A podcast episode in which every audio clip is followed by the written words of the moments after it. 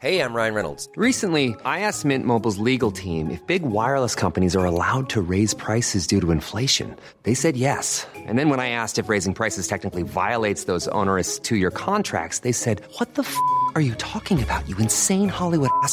F- So to recap, we're cutting the price of Mint Unlimited from $30 a month to just $15 a month. Give it a try at mintmobile.com slash switch. $45 upfront for three months plus taxes and fees. Promo rate for new customers for limited time. Unlimited more than 40 gigabytes per month. Slows. Full terms at mintmobile.com. One size fits all seemed like a good idea for clothes Nice dress. Uh, it's a it's a t-shirt. until you tried it on. Same goes for your healthcare. That's why United Healthcare offers a variety of flexible, budget friendly coverage for medical, vision, dental, and more. So, whether you're between jobs, coming off a parent's plan, or even missed open enrollment, you can find the plan that fits you best. Find out more about United Healthcare coverage at uh1.com. That's uh1.com.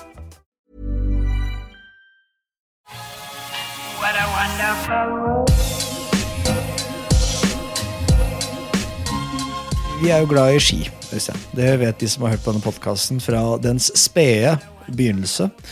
Og så eh, er det sånn at eh, når eh, noen er større legender enn andre i sporten, eh, og når en av de aller største gir seg, så er det litt vemodig.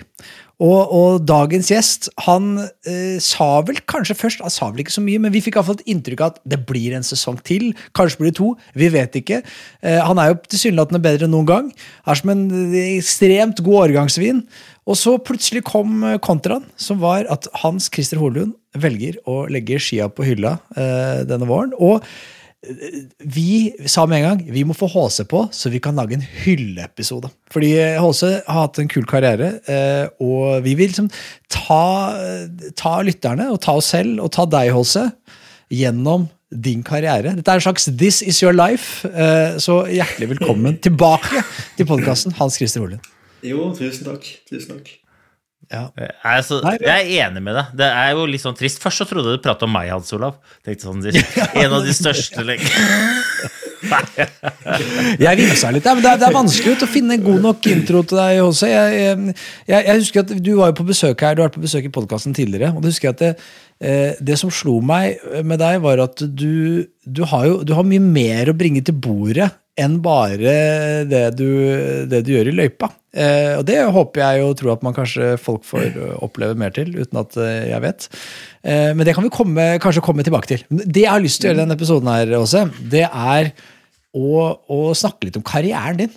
Eh, altså skikarrieren din. Fra dens eh, begynnelse til eh, det som vi etter hvert vet at ble en ganske sånn innbringende, sånn medaljeinnbringende karriere. Eh, høres ut som en plan. Er du med oss på det? Ja, ja, ja. Ja, Det er gøy, det er litt gøy å snakke om seg selv. Altså, det er jo ikke så ofte man får muligheten ja til det. jeg, jeg er ikke så stor fan av, av det, akkurat. Men øh, jeg husker nå øh, som tåler greit hvordan øh, den veien har vært. Så det, det har jo vært noen opp- og nedturer, da. Så Ja. Det, og er, vi, vi vet at du ikke er så gira på det, og det er derfor vi føler det er så, det er så hyggelig. Det er derfor det er så hyggelig å kunne gjøre det.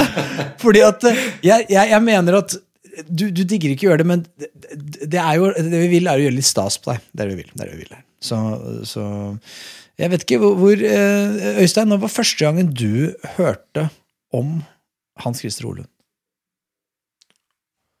Oi, det var et vanskelig spørsmål, faktisk.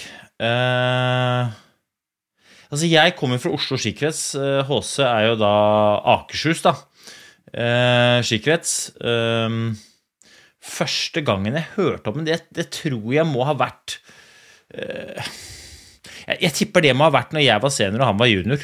Jeg tror ikke at jeg eh, hørte om det før dem. Du er ganske mye yngre enn meg, men jeg husker jo at du vant Eh, Det er jo alltid stas når vi får juniorer som vinner eh, Vinner gull, i junior-VM, f.eks. Jeg, jeg tipper det må ha vært da. Ja. Og da 2007 8 9-ish, eller?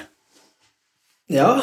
Eh, Området der. Junior-VM i 2008. Mm. Ja. Mals. ja. Ja det, det tror jeg kanskje er første gangen jeg hørte om deg, Men jeg kan jo heller svare på et artigere minne som jeg husker veldig mye bedre. Første gangen jeg gikk sammen med HC, sånn ordentlig gikk-gikk, det var jo da femmila på budord, og da tror jeg vi må ha snakka sånn 2012-13, kanskje. Da var det fellesstart klassisk. Jeg husker at uh, Martin Sundby vant. Simen Østensen ble nummer to, og jeg og HC ble nummer tre. Ja, ja.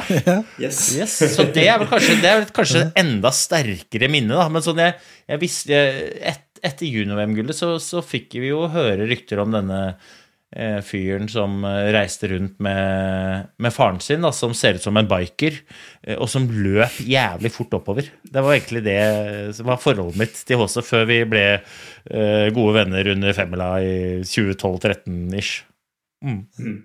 Men også ta oss litt tilbake fra, fra før junior-VM òg. Hvor er det karrieren begynner? Nei, altså karrieren begynner jo som for de aller fleste med to uh, ivrige foreldre. Eh, så min, uh, min mor er fra Bergen, og min far er fra Østfold. Så de, de ble sammen på Norges første skiskole i Trysil. Det er mange år siden, altså. Og så flytter de til Göteborg, og så etter hvert til, til Nittedal. da. Så så de eh, Det er vel ingen av dem som er på en måte født med ski på beina, men, eh, men eh, Ja, det må ha vært en grunn til at de startet på skiskole, begge to. Ja, for de var der som Ja. deltakere, liksom? Ja, det, det, altså det var som NTG uh, back in the days. Bare at det var ikke like proft. Men, det, var- men det, var en, det var en linje, liksom? En videregående skole? Mm, Ja. Mm, ja. Mm.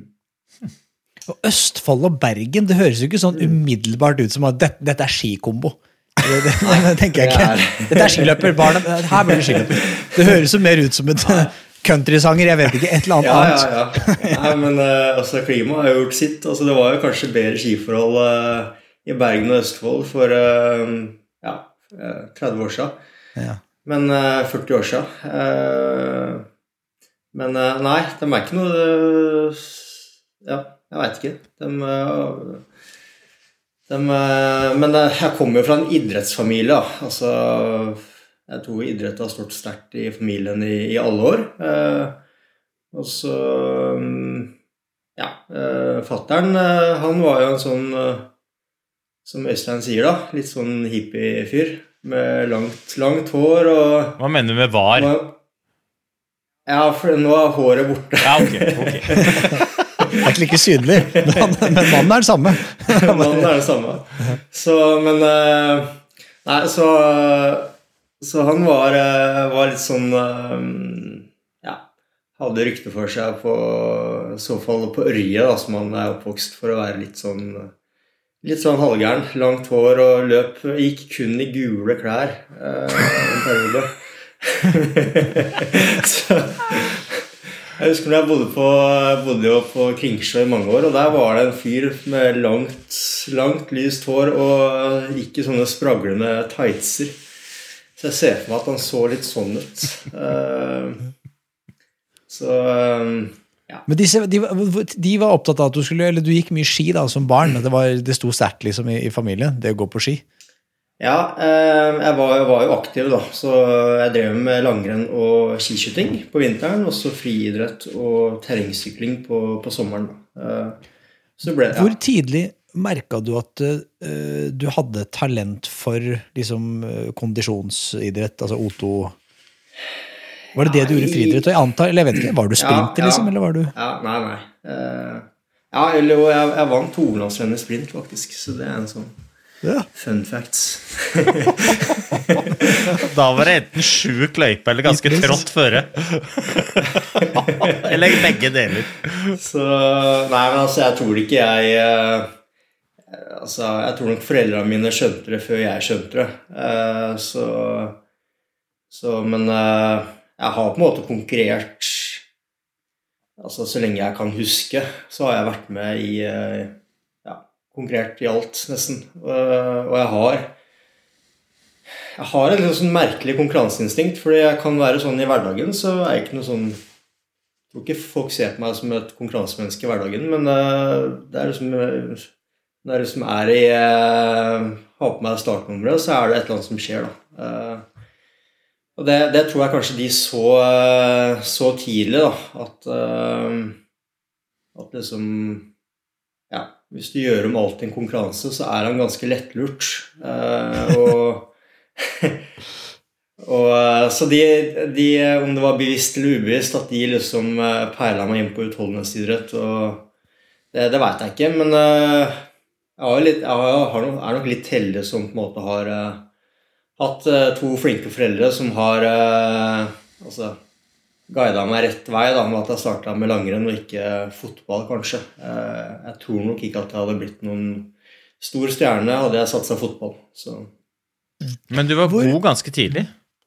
Ja, for det er litt Ja, der. ja, jeg var det, altså. Men eh, det, det var nok eh, også litt sånn eh, Litt heldig. Jeg var liksom tidlig utvikla, da. Høy, eh, ganske høy i ung alder. eh, og for så vidt kraftig òg, så Så jeg husker jeg var hos legen og liksom bare for å sjekke Kommer han her til å bli to meter, eller er det liksom Det er riktig rom å rom å til. si hadde ingen, ingen foreldre som var sånn superhøye, så, så Men jeg stoppa å vokse i høyden da jeg var sånn 14-15 år. Så, så det, som dere vet, det er jo en kjempefordel når man er ung sant, å være litt, litt høy. Da, da har man en fordel altså, når det er aldersbestemte klasser. Når er du født på året? Februar. 25. Ja, februar. Dette, vi, vi hadde podkastepisode. Forrige episoden så snakka vi om spesialisering i idrett, og, og det er jo liksom Ja. Ja, ja, ja. Det er jo en del forskning da, som viser at uh, hvis man er født tidlig på året, så, så har man en liten fordel. Er det, er det, gjelder dette landslaget og Dette blir et sånn veldig anekdotisk, da, men uh, når er disse andre kollegene, de tidligere kollegene dine? Når på året er de født? Sånn jevnt over? Eh, Nei, Simen Krüger er uh, Ja, han er født uh, på våren. Eller sen vinter, tidlig vår. Um, Det er innenfor cutoff, Jeg det. tror egentlig de fleste er født Jeg tror nok de fleste er født tidlig på året, altså. Jeg tror det. Ja, det, er, igjen, det, er jo, det, det er ikke her vitenskapen gjøres, men det, men det er andre som har forska på dette før oss, og det, det er utvilsomt en link. da. Det var, det var litt ja. past the point. Men eh, eh, så, så du, du begynner å gå du, altså Når er det du begynner å satse langrenn? Når er det, det, er sånn, det, er- det, er, langrenn, det er her jeg skal være? Eh, det må ha vært sånn i eh, 15-16-årsalderen. Eh, jeg drev med skiskyting eh, altså helt til vi starta med Jeg ga meg året før vi starta med stående skytingen. Da. Så, men, eh, så det var nok sånn 15-16-årsalderen. Uh, det- Hvorfor valgte du langrenn og, valgte bort skiskyting? Ja, nei, altså det siste Et av de siste skiskytterrennene jeg gikk, så, så jeg kom jeg hjem på standplass og var eh, Ja, var liksom eh, gira og liksom la meg ned og liksom skjøt og bomma på det aller meste. Og så når jeg reiste meg opp igjen, så, så lurte jeg på hvor stavene mine var hen. Eh, og så viser det seg at jeg hadde glemt å ta av stavene altså før jeg hadde starta å skyte, så de var jo fortsatt var, Så jeg skjøt med staver på, da.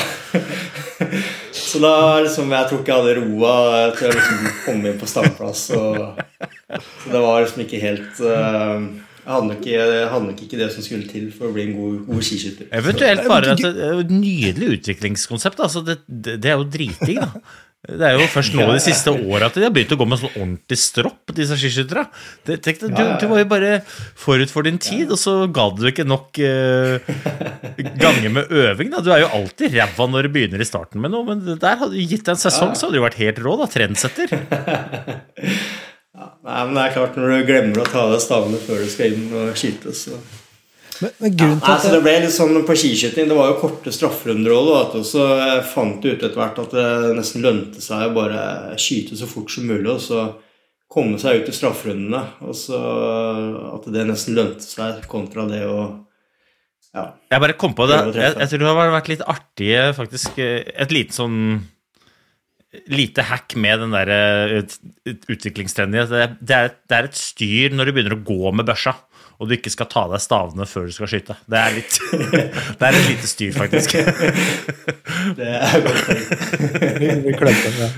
Men, men, en, en, en grunn til at jeg spurte litt òg, var at eh, sånn jeg kjenner deg som utøver i voksen alder, så mener jeg en av dine styrker er at øh, jeg, sett fra utsiden, da, opplever deg som ganske sånn øh, god mentalt, sammenlignet med mange andre. At du lar deg ikke stresse. Det er noe av grunnen til at du øh, jeg tror ikke det er tilfeldig at du presterer ekstremt godt i mesterskap, og bedre enn du gjør i det er sikkert, Jeg tror det er mange grunner til det, skal vi komme tilbake til, men, men jeg opplever deg som ganske kald da, og god på å fokusere.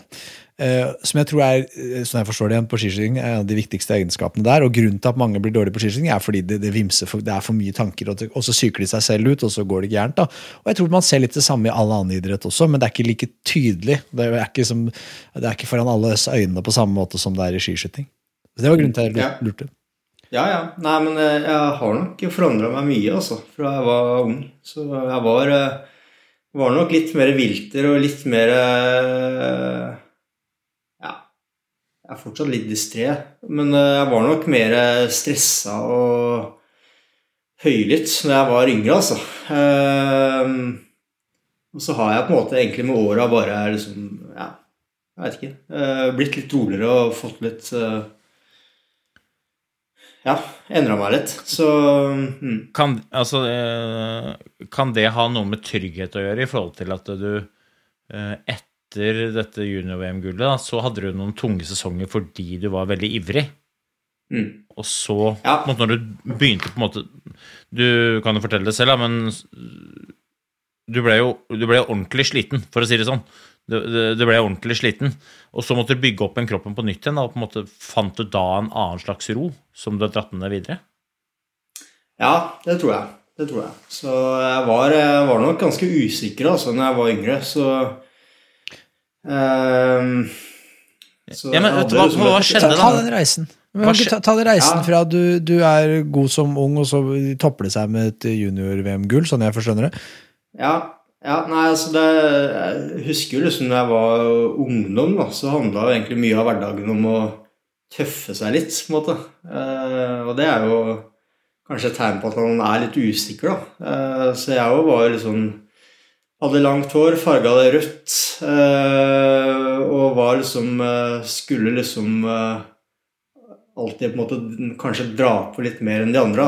Og liksom Gikk, gikk kanskje en lang Gikk liksom tur og tur Bislingen, ikke fordi at jeg syntes at det var så jækla gøy, men bare for å ha noe å skryte av når jeg kom på skolen dagen etterpå. Så Det det var nok litt sånn eh, over hodet mitt. motivasjon eh, bak, bak eh, prestasjonene var nok litt annerledes på den tida. Det var nok litt mer sånn for å um, ja, vet ikke, markere seg eller liksom få oppmerksomhet. Og det er jo en litt sånn usunn, usunn motivasjon i lengden. Så, så Men ja, det, det gikk jo for så vidt bra. Jeg hadde jo mye gode resultater. Og så eh, Ja, så hadde jeg på en måte var jeg litt sånn Etter russertida, eller den våren der, så var jeg litt sånn Det sklei litt ut med alt mulig rart. Litt sånn opprør mot eh, mine foreldre og litt sånn eh, typisk ungdom, da, kan du si. Eh, og um, hadde noen litt dårlige resultater, og det var liksom så det kom på en måte på et tidspunkt hvor jeg liksom eh, Egentlig etter at jeg var junior, at jeg tenkte at nå, nå skal jeg skjerpe meg. Nå er det, liksom, nå er det OL i Vancouver til vinteren. Og så satte jeg meg et litt sånn hemmelig mål om at jeg skulle, skulle dit. da. Eh, Hvor gammel var du da? så det ja, da, da var jeg 20 år. Ja, ikke sant? Hadde du gått Eh. Beito så, jeg, jeg husker ikke deg så mye fra den tiden. Hvor, hvor, hvordan Mm. presterte du i, i, liksom, i de TV-sendte rennene, om du vil? Altså Beito og NM og Ja. sånn? ja eh, nei, øh, jeg hadde Siste året som junior så hadde jeg vel to 13.-plasser. Eh, da var det NM på, på Vind i Gjøvik. Mm. Uh, så det var veldig bra. Det var veldig bra. Og så- men eh, året før så vant jeg junior-VM, og, og siste året som junior så Ja, jeg tok en, en tredjeplass. eh, blant noen svinegode russere. eh, både foran og bak meg. Den tiden russerne var litt ekstra gode? Som jeg ikke har sett verken før eller siden. Men uh, det er en annen sak. Men uh, uh, Han siste i podkasten her kjenner vel også til å tappe mot noen russere som han aldri hørte fra igjen, men la oss ikke ta det nå. ja, nei. Nei, så det, det var nok et, skjedde nok et skifte der også, hvor jeg liksom tenkte at nå, nå skal jeg skjerpe meg. Og så så jeg jo litt på hva de beste gjorde, og det var jo liksom Det var vel ja, det var, Jeg hadde vel på en måte tre forbilder på den tida. Det var jo Ole Einar Bjørndalen, eh, Petter Northug og Lance Armstrong. Og det, det er jo tre forskjellige typer, det, da. Så, men eh, jeg tenkte jo liksom Jeg, prøv, jeg har kanskje hele tida liksom prøvd å sette litt hva de beste gjør, da. Og så, og så på en måte lære litt, eller kopiere litt av dem, eller på en måte Ja, så jeg så liksom Ole Einar Bjørndalen, han var jo veldig kjent på den tida for å være liksom veldig strukturert og proff og planla liksom hver økt i minste detalj i mange uker i forveien. Eh, og det var ikke jeg vant med, men jeg tenkte at eh, ja, nei, kanskje det er det jeg må, må gjøre. Eh, så jeg lagde veldig sånn detaljerte planer eh, langt i forveien, og det var liksom Jeg skulle på en måte følge den perfekte planen, da, uansett åssen jeg følte meg. Så det var nok eh, den første feilen, at jeg stoppa litt på kroppen og på en måte mm, ble veldig opphengt i å liksom følge den der planen, da, som så så jo veldig bra ut. Sant? Eh, så, og så var det jo Petter Northug, og han var jo up and coming, og, og jeg tenkte jo liksom Åssen i huleste skal jeg slå en, en Petter Northug? Eh, han var jo ganske utholden og veldig rask, og jeg er jo, som de fleste vet, ikke spesielt rask, så jeg tenkte jo at eh, at jeg måtte ta, jeg må ta han oppover. Jeg må ta han i bakkene.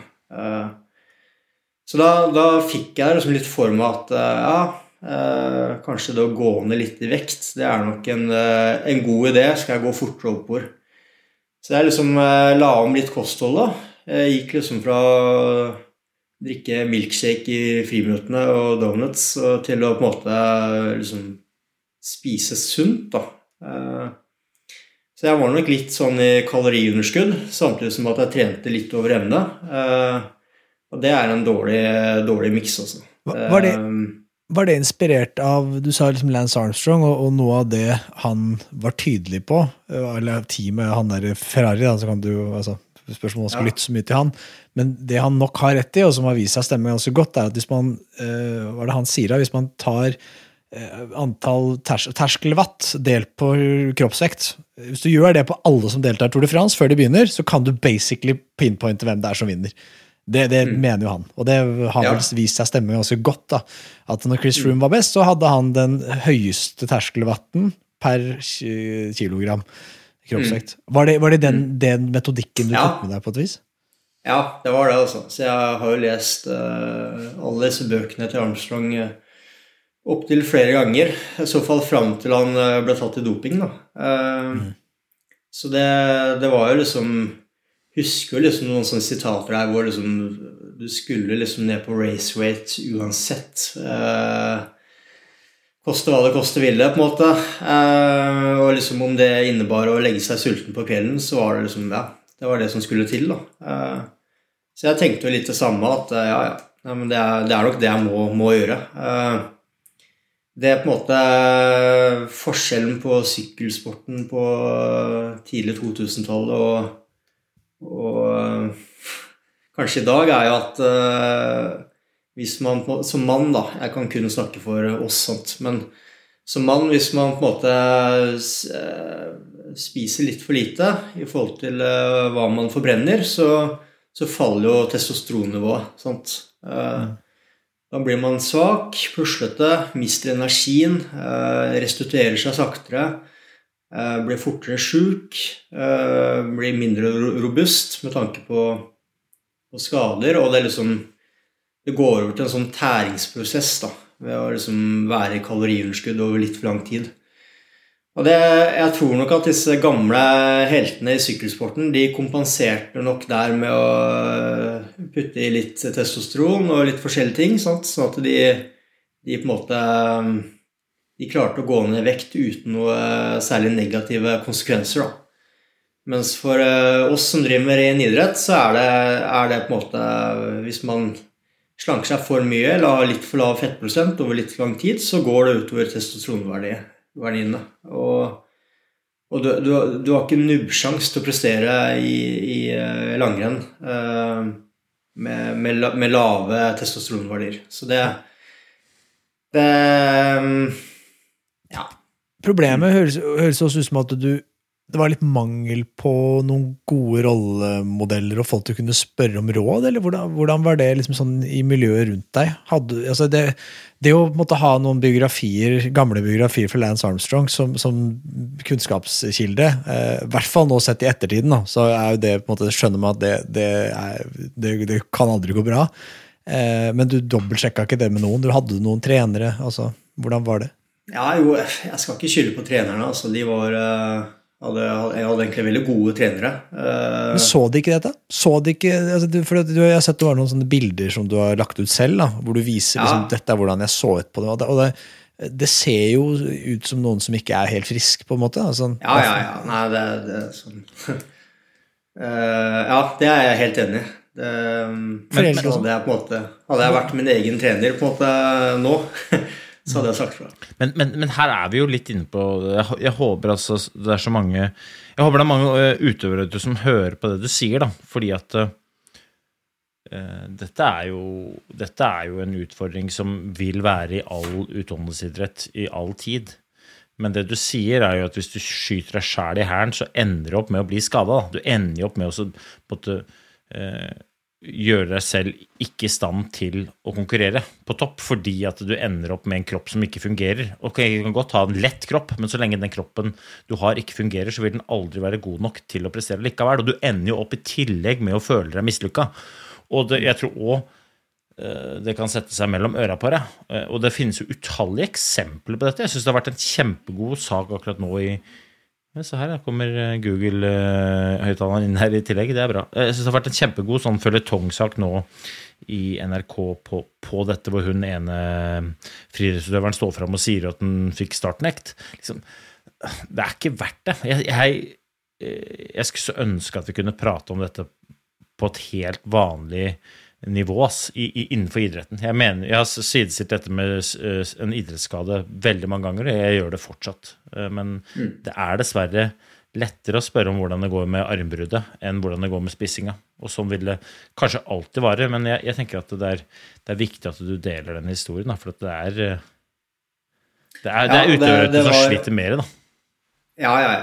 Og det, det var nok Ja, nei, altså, jeg visste ikke de negative konsekvensene i det hele tatt. Jeg tenkte liksom Det er, det er jo veldig logisk. Er du lettere, så går det lettere oppover.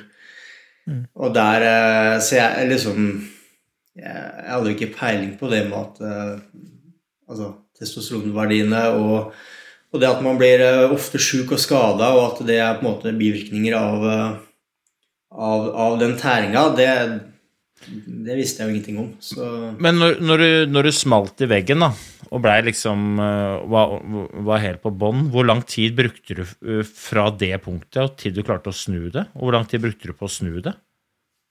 Um, nei, altså jeg, jeg, um, jeg trente meg nok altså den høsten, høsten 2010, da. Uh, så tror jeg jeg trente meg liksom mer og mer ned, på en måte. Uh, og så men i mitt eget hode, så liksom før åpningsrennet på Batstølen, så tenkte jeg at uh, jeg skulle i så fall være topp ti. Kanskje på en god dag være med og kjempe om pallen. Så jeg hadde et veldig sånn forvrengt bilde i hodet mitt om at uh, ja, bare jeg slipper opp litt på treninga og gjør sånn som jeg pleier, så, så blir det bra, dette her, altså. Uh, og, og, så starta jeg å gå skirenn, og så var jeg jo, var jo ikke, var ikke, i nærheten. Jeg var jo ble stokk stiv i første bakke og, og, var jo flere minutter bak, eh, bak vinneren. Så, så, det var liksom eh, veldig sånn overraska over meg sjøl at jeg liksom ikke eh, klarte å se det før jeg starta å konkurrere, kan du si. Eh, mm. så, det, så det, Og jeg hadde nok Jeg tror nok at jeg hadde kanskje et Kanskje jeg hadde noen trenere som så det. Jeg veit ikke. Men uh, Jeg var nok litt sånn egenrådig òg. At jeg liksom Jeg hadde hatt uh, god suksess i, i, mange år. Og liksom ga inntrykk av at jeg visste hva jeg holdt på med. Uh, så jeg var nok Jeg var nok ikke den letteste eleven å ha med å gjøre, kan du si, på den tida. Men brukte du da Brukte du to, to sesonger på å komme deg opp igjen? Ja, til sånn decent nivå? Når, når, du og jeg gikk sammen mm. i Femland, husker jeg ikke om det var 2012 eller 2013, men det må ha vært et av de to åra. Ja, 2013. 2013 ja. Var det liksom det var, var, det, var, det, på vei tilbake igjen da, liksom? Ja, så det var eh, Så jeg gikk jo nesten ikke skirenn i 2010, og heller ikke i 2011. Også 2012-sesongen, så da gikk jeg skirenn. Men da Ja, bare middels til dårlige resultater. Var sånn ja, rundt 50-40-50 kanskje NM. Eh, så, men da hadde jeg på en måte, da hadde jeg bestemt meg for at jeg skulle gå skirenn uansett. da. De to eh, årene før så hadde jeg på en måte gått et par skirenn på starten av sesongen, og så hadde jeg på en måte kutta sesongen eh, fordi jeg skjønte at det var noe gærent. Eller jeg skjønte nok ikke i starten hva som var gærent. Så du kan si det sånn at jeg, i 2011 så gjorde jeg jo Altså jeg lærte jo ingenting. Jeg gjorde jo akkurat det samme i 2011. Så, mm. så, det, så, det, tok litt tid før jeg på en måte uh, Ja, klarte å komme meg ut av det. Uh, det, var, det, var, ikke sånn uh, Det var nok ikke sånn spiseforstyrrelser i den grad at det er liksom liksom var redd for å spise mat. Det var mer det at jeg tenkte at det er smart å gjøre for å prestere. på en måte.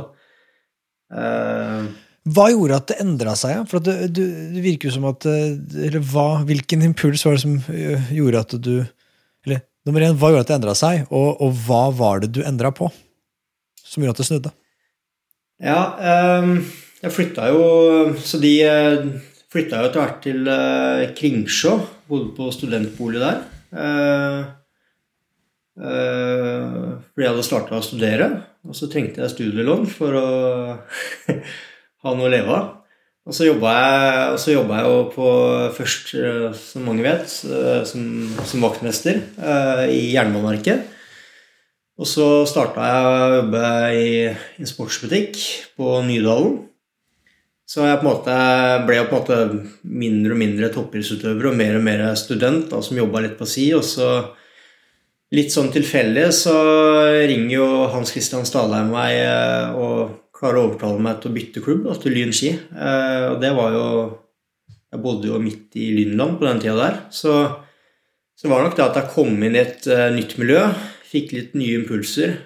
Kom litt ut av mitt eget hode, kan du si. Gikk på en måte er, det er, ikke sunt å gå for seg sjøl og trene for seg sjøl og bare gå i sine egne tanker. Altså. Det, er, eh, det, er, livsfarlig. Så det var nok da at jeg liksom kom inn i et nytt, uh, nytt bra miljø. Da. Det var en veldig fin gjeng. Uh, og så var det nok litt det at jeg, jeg, var nok Jeg ble nok litt fed up med mitt eget liv, kan du si. Fordi de åra fra 2010 til til og med 2012, det var liksom Det var, det var gørr kjedelig, altså. Det var prøvde liksom å satse, og så funka det ikke, og så Altså, man blir jo litt sånn, litt sånn jernvaska sånt når man eh, er, er eh, overtrent. Altså, man går jo hele tiden og liksom Bare man går på en trapp, så går man og kjenner på låra om de er pakka, eller starter å måle hvilepuls hver morgen og liksom Oi, oi, oi, i dag er den syv slag høyere enn vanlig, eller tre slag høyere enn vanlig, og da er liksom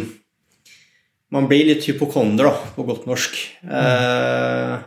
så, så, det var liksom eh, Og så skal man hele tiden liksom eh, veie opp om man liksom Altså, hvis, hvis, hvis, man på en måte kommer til et punkt hvor man liksom ikke Hvis man er, liksom er redd for å spise en sjokolade, da, da, har du på en måte ikke det huet som skal til for å vinne skirenn. da. ja. Du ser liksom ikke en actionhelt uh, gå rundt og spise salat uh, dagen lang. De uh, Så det er liksom Jeg, jeg ble nok litt, litt, lei det livet der og tenkte at nå gir jeg det ett år til. Jeg hadde vel ikke noe tro på at det skulle gå bra. men jeg gir det ett år til. Eh, og så legger jeg opp etter det året. Fordi jeg, jeg hadde egentlig ikke noe tro på det jeg holdt på med. Men så gikk det jo bra, da.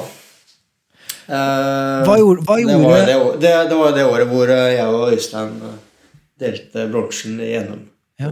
i Budur. Men, men hva, liksom litt, litt konkret her, hva, hva var det det at uh, Hans Christian Stadheim, som du har gitt shout-out til mange ganger, da, som virker å være en ganske en nøkkelspiller i, i dette turnaround-gamet her, men hva var det han eller dere i fellesskap eller du fant ut av og gjorde annerledes? Var det det å bare ta pause? Var det bare det å trene mindre? Eh, var det å spise mer? Var det, eller var det litt det, og det tenkte jeg på i stad òg, som jeg, jeg har en hypotese om, og det er at det, du sa det litt der, at det å være et tenkende vesen, og du slår meg som et veldig tenkende vesen, eh, det kan det er unektelig ganske sånn produktivt og kan føre til masse bra ting. Jeg tror mange tenkende vesener skaper og får til masse bra. Men i idrett så tror jeg at det ofte kan være dette er min hypotese, at det kan være lurt å være litt happy-go-lucky. Øystein, for eksempel, nå er du også tenkende vesen i aller høyeste grad, Øystein, men innenfor idretten så slår du meg litt som at dette er moro. Her trives jeg. Jeg har det gøy. Det er, dette gjør jeg. Og så er du ikke så nøye på hva spiser jeg, og hva spiser Lance Armstrong. Det har ikke du tid til. Du har ikke tid til å tenke på det. Du bare trenger den næringen for at du skal videre og gjøre noe annet. Og at den attituden, da, som, som på en måte kan, slå, kan, på en måte kan fremstå som mindre ambisiøs, at den er mer produktiv. At i hvert fall i ung alder så vil det sannsynligvis ta deg lenger. Det er sånn hypotese jeg har, da. Mens de som ofte går på de smellene, er de som er så tenkende, og de, de har ikke tid til å nei, være ute på byen eller, sånn, eller være, Nei, det her kan gå ut og trene fotball. Alternativ trening. Tid. Og jeg tror oppriktig, Øystein, du dreit et alternativ. Du tenkte ikke alternativ, du tenkte ikke ordet alternativ trening engang. Det var gøy. Og så kanskje når du ble 18-19-20 år, så tenkte du sikkert det. Men jeg tror at du lenger enn HC, da, min hypotese, var mer happy-go-lucky, liksom. Jeg tror jeg hadde en fordel, da, for at jeg var aldri så god som HC i junioralder. Og jeg kom fra et miljø som ikke var så idrettsstyrt. da. Vi, vi samla flasker for å kunne kjøpe kebab. Det kosta 35 spenn. Og hvis du var heldig, så fikk jeg ekstra rød saus. Det var liksom det var vår verden. Det, det, selv om det er ikke mange kilometer mellom der jeg og HC er vokst opp, så, så er det noen forskjeller. Eh, og jeg tror kanskje det var min fordel. Jeg tror du har helt rett. Jeg tror jeg hadde slutta med idrett hvis jeg hadde vært i et miljø som hadde tenkt veldig mye. Ja, ja, jeg, er 100% enig. Det er eh, du, Og det ser jeg på, blant de som er på landslaget i dag òg, at det er, eh, det er de, de gjør ting enkelt også. Det er liksom fokus på det som er viktig, og, og, og så ser jeg jo de som er mest ivrige på Strava, og som er kanskje mest detaljert i treningsplanlegging og ja, av en eller annen grunn så eh, lykkes ikke de like godt som eh, de som er klarer å være litt mer layback. Så det er, det, og det er kanskje, de er kanskje for smarte, altså. Det, Ja, det er sånn, ja, ja, men jeg, jeg er helt enig med deg. Det her er jævlig spennende. For du kan, det, der er, det der kunne jeg fortalt Eller har jeg mange hypoteser om. Men jeg synes sånn, jeg trekke fram noen eksempler som det er farlig å nevne navn. Da, i fare for å dra fram folk som er dumme. Men hvis jeg trekker fram det som et positivt, sånn, er sånn laidback, da. Finn Hågen Krogh, for eksempel. Fy faen, noe nedpå, liksom. Han bare Jon Christian Dahl. Det er liksom det er samme. Nei, det går bra. Det er, det er Martin sånn- sånn- Sundby, altså den beste langrennsløperen de, de, sånn, Ja, de, snitt han de var siste samme åra. han var. Ja. han var samme. Han Ja, han, sa, han, sa det, han sa jo det samme i podkasten her. At eh, vi om sånn Jeg er jo nerd, ikke sant? så jeg driver og bruker auraring og logger søvn og sånn. Ikke, ikke for at jeg skal bli vinne, vinne OL-gull, bare for at jeg syns det er gøy å prøve å optimere. Men jeg tror den approachen altså Martin Sundby sier at du bare fnyste av det. Sånn, det, det er, du må bare spis det du trenger, og så sov, og så kjenner du om morgenen du sov godt. Det er bare å kjenne etter det. Sov godt i natt. Ja, ja, så går man videre. Og jeg tror den attituden, eller beviselig, den attituden har jo ført til ting, og så er det sikkert ikke noe one size fits all her, da. Men jeg tror det du sa der med at det er lettere eh, altså jeg tror Hvis man er tenkende vesen, så øh, er det unektelig beviselig mulig å bli kjempegod og få til det. og jeg tror det På marginen kan være en fordel å logge og sånn, men du må, være, du må gjøre det på tidspunkt i karrieren og i, i, når du er moden nok for å å tenke, Du må komme enda et lenger i tankesettet ditt, da, så du klarer å skille mellom ok, det jeg driver med nå, det er ikke det som avgjør. liksom. Du, men, men jeg syns det er gøy. jeg skal prøve, altså, man, man, jeg skjønner, man må være moden nok Ja, ja, ja. For, å, for å håndtere det. er vel det jeg prøver å si. Og det tror jeg ikke jeg heller var. når Jeg var, jeg, også, jeg, jeg kan kjenne meg litt igjen i måten du beskriver Jeg tror jeg hadde gått i de samme fellene uten at jeg var i en posisjon til å gjøre det. Så tror jeg jeg hadde gjort det. akkurat det samme. Eh, mens nå, dagens eh, Hans Olav, er moden nok til å, å, å se på meg selv litt utenfra. Men eh, når, man var, når jeg var eh, 18-19-20 år, så var jeg veldig mye inni her. Jeg, jeg tror utfordringa i idrett er at det er alltid mulig å på en måte optimalisere litt. da. Og hvis du først har begynt inn på å åpne den døra, så er det et sånt, det rommet er uendelig. Altså, da blir du gæren. ikke sant? Og jo mer du optimaliserer, desto mer skjønner du at fy flate, jeg er dårlig.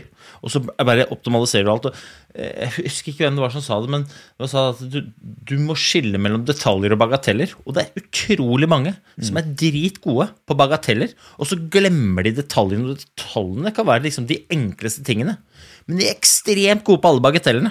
Bare sånn, ha, ha stålkontroll på alle bagatellene. Faen, du nevner Martin Sundby. Altså, fyren, stålkontroll på detaljene. Men nå skal ikke jeg reklamere for Mækkern, men du finner ikke noen med flere gule trøyer som har spist flere Mækkern-menyer enn Martin Johnsen Sundby. Altså. Det er sånn, for han er det en bagatell. Jeg trenger energi. Akkurat hvor jeg får det fra, det driter jeg litt i. Men den energien den skal jeg få med, og så skal jeg gjøre de detaljene. De skal gjøre dritbra. Men nå drar vi og spiser, gutter. Og på vei hjem så stoppes og kjøper noe drit. Helst sånn øh, Han spiser sånn øh, hva heter de der uh, potetgull som tortillachips? Altså, han spiste, altså, han burde vært sponsa av sånn tortillachips. det er helt jævlig. Med ostesmak. Det er bare sånn Få det på. Og det er bagateller og er detaljer, og du må skille. Alle har samme, Vi har alle på en måte fått tildelt samme mengde fokus. ikke sant? Og, det er bare, og hvis man har for mange steder man skal rette det fokuset, så, så sier det seg selv at da blir det for lite igjen da, til de viktige tingene. Så, uh, Du klarer ikke å skille det. Du, du, du ender opp med å bare Helt ærlig, det der, det der er jo det der er jo det største, den største utfordringa som alle utøvere står om du er eh, 15, 20 eller om du er 40. Skill mellom bagateller og detaljer. Sørg for at du ikke du driter deg ut der, for hvis du bare fokuserer på bagatellene, og, ja da og, Bagateller har en vond tendens til å, å, å, å gjemme seg, disguise, som en detalj. Og det er det som gjør det litt vanskelig. ikke det, Ja, det, men folk er sånn Ja, hva, hva, hva skal jeg spise liksom i jula? Bare sånn Hva du skal spise i jula? Drit nå hva du skal spise i jula. Kos deg i jula, men hva er det du skal spise fra januar til jula? Det er, det, det er greit å ha et fokus på. Akkurat hva du spiser i jula, det er ikke så farlig. Det helt ærlig. Drit i dere, så det, kos deg. Men eh, ok, Jose, jeg er så um, vi, vi har jo prata lenge allerede, ser jeg, men um, når det begynte å svinge Nå husker jeg ikke helt når, men Jeg husker når. første jeg husker når Du- jeg, du jeg, husker når jeg fikk øynene opp for husker- Ja, for du tok i hvert fall Du tok jo var det, det var jo vel når Sundby var liksom King Kong, var det ikke det? At du tok din første pallplass? Jo. Øh, På Lillehammer? 20, ja, stemmer. Mm, Duatlon? 20 Du, du rykka jo Langbakken, gjorde du ikke? Nei, nei. Eh, det, var 20, det var 20 høsten, eller rett før jul, 2015. Så jeg kom, jeg kom inn på landslag i eh, den, den våren, da, 2015. Og så Det var jo kanskje Martin eh, sin beste sesong. Eller en av Han hadde jo flere, men det, det var den tiden hvor Martin bare tok teten fra start, og så bare mørna han feltet i fillebiter. Eh, Minus deg, da. tilbake. Ja, eh, han, jo, meg òg. Så det var Det var, eh, det var tremila på Lillehammer, eh, skiatlonen der. Så, så det var eh, Martin eh, dro, og så lå jeg og Niklas eh, Dyrhaug Vi hang som et slips bak. Eh, så fikk vi eh, en luke på feltet etter sånn 7-8 km. Eh, og det gikk jo altfor fort for meg og Niklas, men eh, ja Hva skal man gjøre? Man må jo bare prøve å henge på så lenge som mulig. og så klarte vi akkurat å henge på eh, til skøytinga. Altså første bakke på skaten, så var han eh, Sånn var det. så var han uh, far gone. Så han eh, Altså, han vant uh, Tror han vant med over et minutt. Ja. Kunne sikkert vunnet med mer òg. så, men eh, så var det Så gikk jo jeg og Niklas eh, sammen på, på skaten. Og Jeg tror Niklas var ganske rimelig sikker på at han kom til å bort, så så men jeg var, jeg var super, eh, Det gjorde han òg. Men jeg var jo superhappy med å bli nummer tre. Altså Om jeg ble nummer to eller tre den dagen, det hadde ingenting å si. Så, så det var eh, Ja, det var stort, altså. If you thought the only way to get a more defined jawline with natural looking results was through surgery, think again. Juvederm Volux XC is a non surgical injectable gel filler that improves moderate to severe loss of jawline definition and can help you achieve natural looking results with little downtime. Even better, this improved definition lasts up to one year with optimal treatment. No maintenance required. Improve jawline definition for a smooth, sculpted look with Juvederm Volux XC. For important safety information and to find a licensed specialist, visit juvederm.com. That's J U V E D E R M.com. Not for people with severe allergic reactions, allergies to lidocaine, or the proteins used in Juvederm. Common side effects include injection site redness, swelling, pain, tenderness, firmness, lumps, bumps, bruising, discoloration, or itching. There's a risk of unintentional injection into a blood vessel, which can cause vision abnormalities, blindness, stroke, temporary scabs, or scarring. Talk to a licensed specialist to find out if it's right for you. A lot can happen in three years, like a chatbot may be your new best friend. But what won't change? Needing health insurance. United Healthcare Tri Term Medical Plans, underwritten by Golden Rule Insurance Company, offer flexible, budget friendly coverage that lasts nearly three years in some states. Learn more at uh1.com. Men jeg, jeg tror jeg husker eh, min, Mitt første minne da jeg ble introdusert for deg, det var NM. Og jeg tror det var NM før den sesongen der. Om det var to sesonger før London det, eller, da, Røros. Ja, Ja, eller var det den sesongen? Eller var det senere det året? ja det, var, det var den sesongen. Ja, det var det. eh, da var vi over i 2016, 20, 2016 da. Ja. Men, eh, Og, og var det først i 2016, ja? Og det er sjokk. Det er ikke, jeg tenkte at det var liksom sånn 2014. nei, nei, 2015. 2015, Sorry, ja. 2015. Det var uh, 2015. Så jeg kom inn på lag uh, altså høsten 2014. da. Mm. For da var det jo drit, altså du var jo dritgod i det NM-et, og så husker jo folk flest den der Petter Northug-seansen, hvor han, han Og så var det han venta inn deg. Altså Du gikk jo, kom jo fra langt bak. Er, er, er, det, er det stafetten, eller er det i tremila? Eh, skjønner du hva jeg, hva jeg sikter til? Hvor han eh, venter inn deg. Du kommer bakfra, tror jeg, og så ta, tar du han igjen, og så og Det var noe rykke fra deg i bakken og sånn. Ja, det var uh, Sorry, nå, uh, jeg skal korrigere, korrigere tilbake. Det var 2016. Uh, Det var det. men, men ja, det var eh, Så det som er eh, Det var stafetten, da. Røros. Eh, NM Røros. NM Røros, stafetten der. Så Så eh, Ja, da, det var et veldig bra NM. Da ble jeg, ble jeg vel nummer tre på På eh, Du hadde jevnt over veldig gode resultater, husker jeg. Var på pallen, for, for, altså, du var liksom, jeg føler jeg var liksom, I mitt hode var det sånn breakthrough. Jeg tenkte bare, ok, han der, han der han kommer til å, han skal, nå skal Sundby passe seg litt. Det var for, har jeg et Ja, minne fra. ja, nei, altså Historien bak det er at vi hadde jo vi, Det var NM-stafett. Vi, vi eh, hadde ikke et lag som egentlig var godt nok til å kjempe om, kjempe om pallen. Simen Krüger var ikke med på det laget. Uh, og så går jeg siste etappe, og så tar jeg en Petter med ganske mye, altså. Ja, Halvminutt, masse. 40 sekunder. Eh, så når jeg da har tatt igjen han, så er det da igjen to-tre kilometer igjen av den stafetten. Eh, og han har jo han har jo bare ligget og kost deg foran der eh, og gått billig, og jeg har gått alt jeg kan for å ta igjen Petter. da. Så når jeg har tatt igjen Petter, så er jeg allerede stokk stiv, og han er helt uthvilt. Så da, da rykker han jo i siste bakken, og det ser jo veldig sånn ekstremt ut, men uh, sånn Det er akkurat så jeg husker det. eh, Og det provoserer ja. meg litt. Jeg, jeg, jeg, det der vises som en sånn det var ikke en en helt sånn fair sammenligning, fordi eh, jeg hadde jo allerede tatt en uh, 40 sekunder på han. Sant? Ja, Det var det jeg ville ha Eh, sagt her, da. For jeg, jeg også husker, jeg synes også det er sånn, det har jo vært vist som en sånn slags highlight reel fra Petter Northugs karriere, da han liksom uh, rykker fra HC. Du har jo sett, du har sett det klippet, du, Øystein? Ja, ja, ja. ja, Men det som aldri nevnes, i, i, er konteksten. Og det er at uh, HC har nettopp tatt igjen Petter Northug med omtrent et minutt. Eh, I det, i det liksom det rykket kommer. Og, da, og da er selvfølgelig er du eh, Selvfølgelig er du stiv. Liksom, selvfølgelig er du brukt kreftene. Det er helt åpenbart. Og så, eh, jeg vil jo tro at det, med friske bein så hadde sannsynligvis Petter Northug også rykka i kneppet foran, foran deg, men ikke på den måten som det ser ut som på, det, på det klippet. Da. Så, ja. Ja, ok, men det var da det, jeg tenkte, I hodet mitt var det, var det før eh, du begynte å hevde deg verdenscup, men det var min feil. Jeg som har... Men, men, ja, men ja, det var før, ja. Det var, det, det, var den, det var en veldig god sesong, men det var det året jeg gikk meg inn da, på laget. Så. Men i, i norsk I norske sånn, Når er det du føler at du kom inn i liksom Norges For du er jo en del av sånn Du er en legende, da, som han som sier, liksom. Når er det du føler at du kommer inn i den norske sjela? Er det, er det C-felt, eller er det OL, eller er det Ja, nei, det, det, det må jo dere svare på, nesten. Jeg, jeg, jeg. Men, uh, Jeg husker, jeg husker når.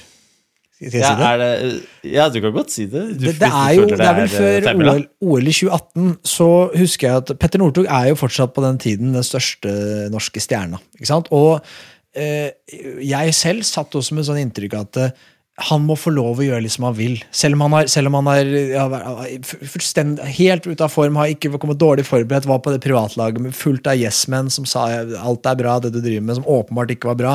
Eh, og, men allikevel tenkte jeg at han er vårt beste kort.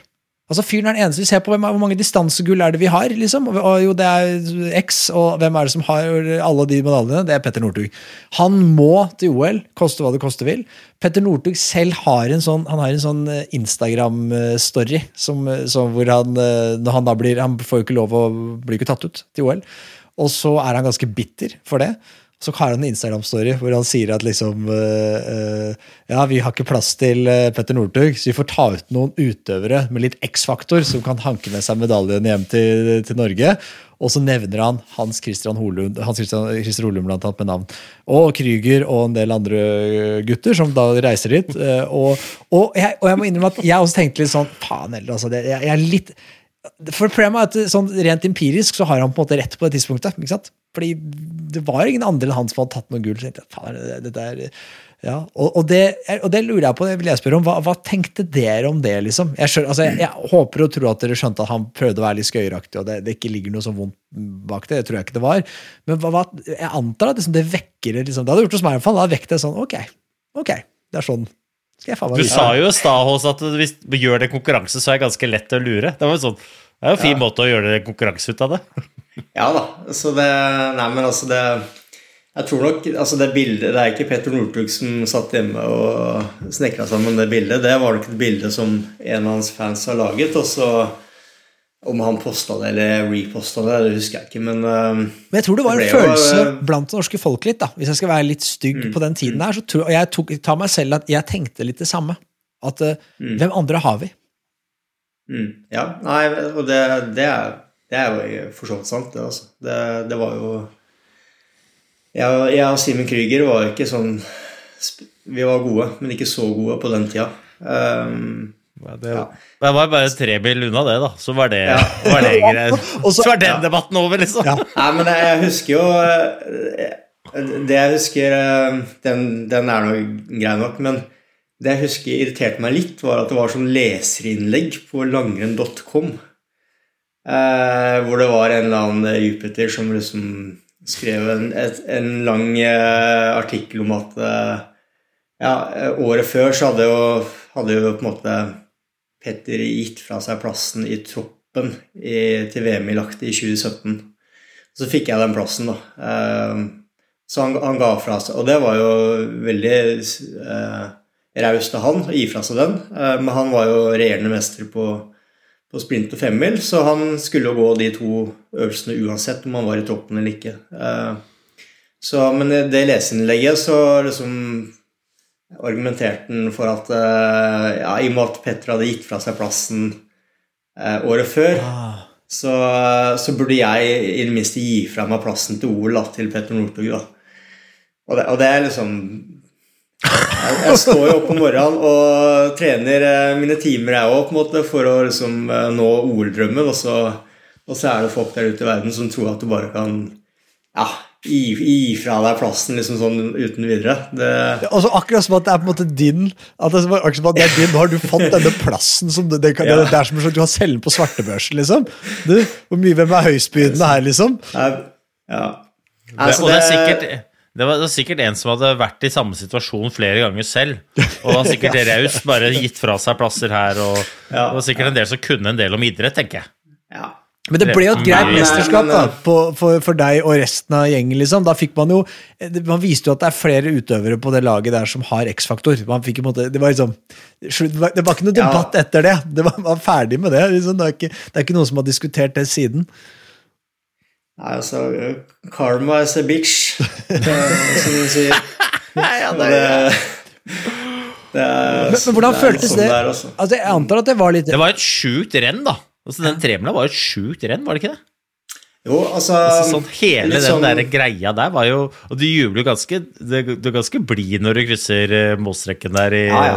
ja men det er, jo Simen, Simen. Krüger, det er jo Simen Krüger sitt renn, det der. Da. Han detter jo i starten. Og, Jo, men samtidig det var mye usikkerhet rundt deg òg, da. Én ting var jo denne plassen, og så veit jeg at dere jobba ganske godt med skia i, i tida før det. Det var jo mange det var, det var mye greier, da.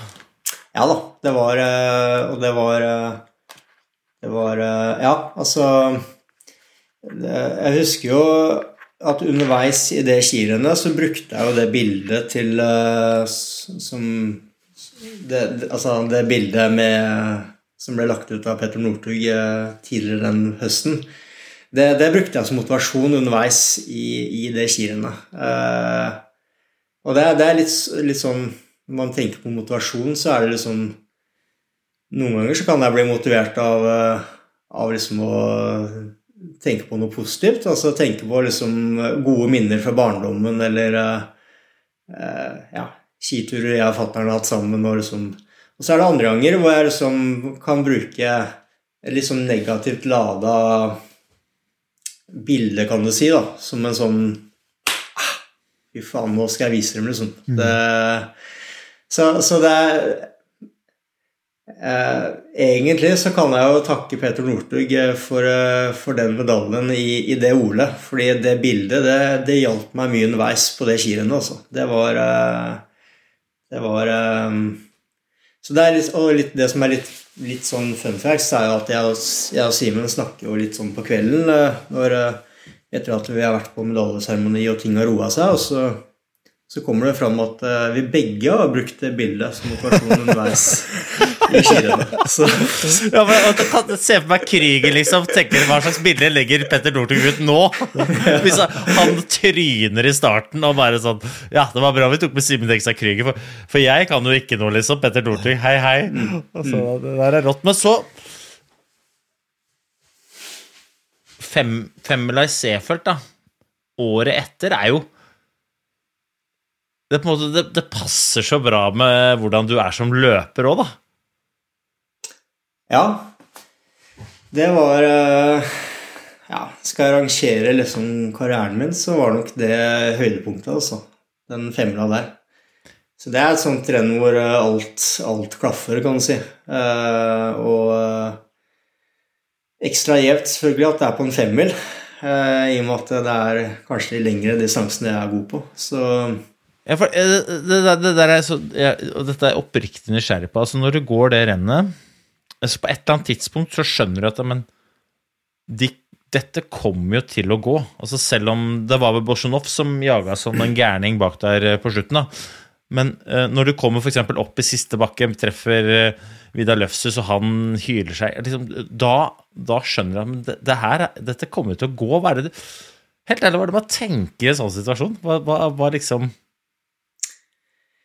ja eh, Man rekker jo å tenke litt da, på en femmil.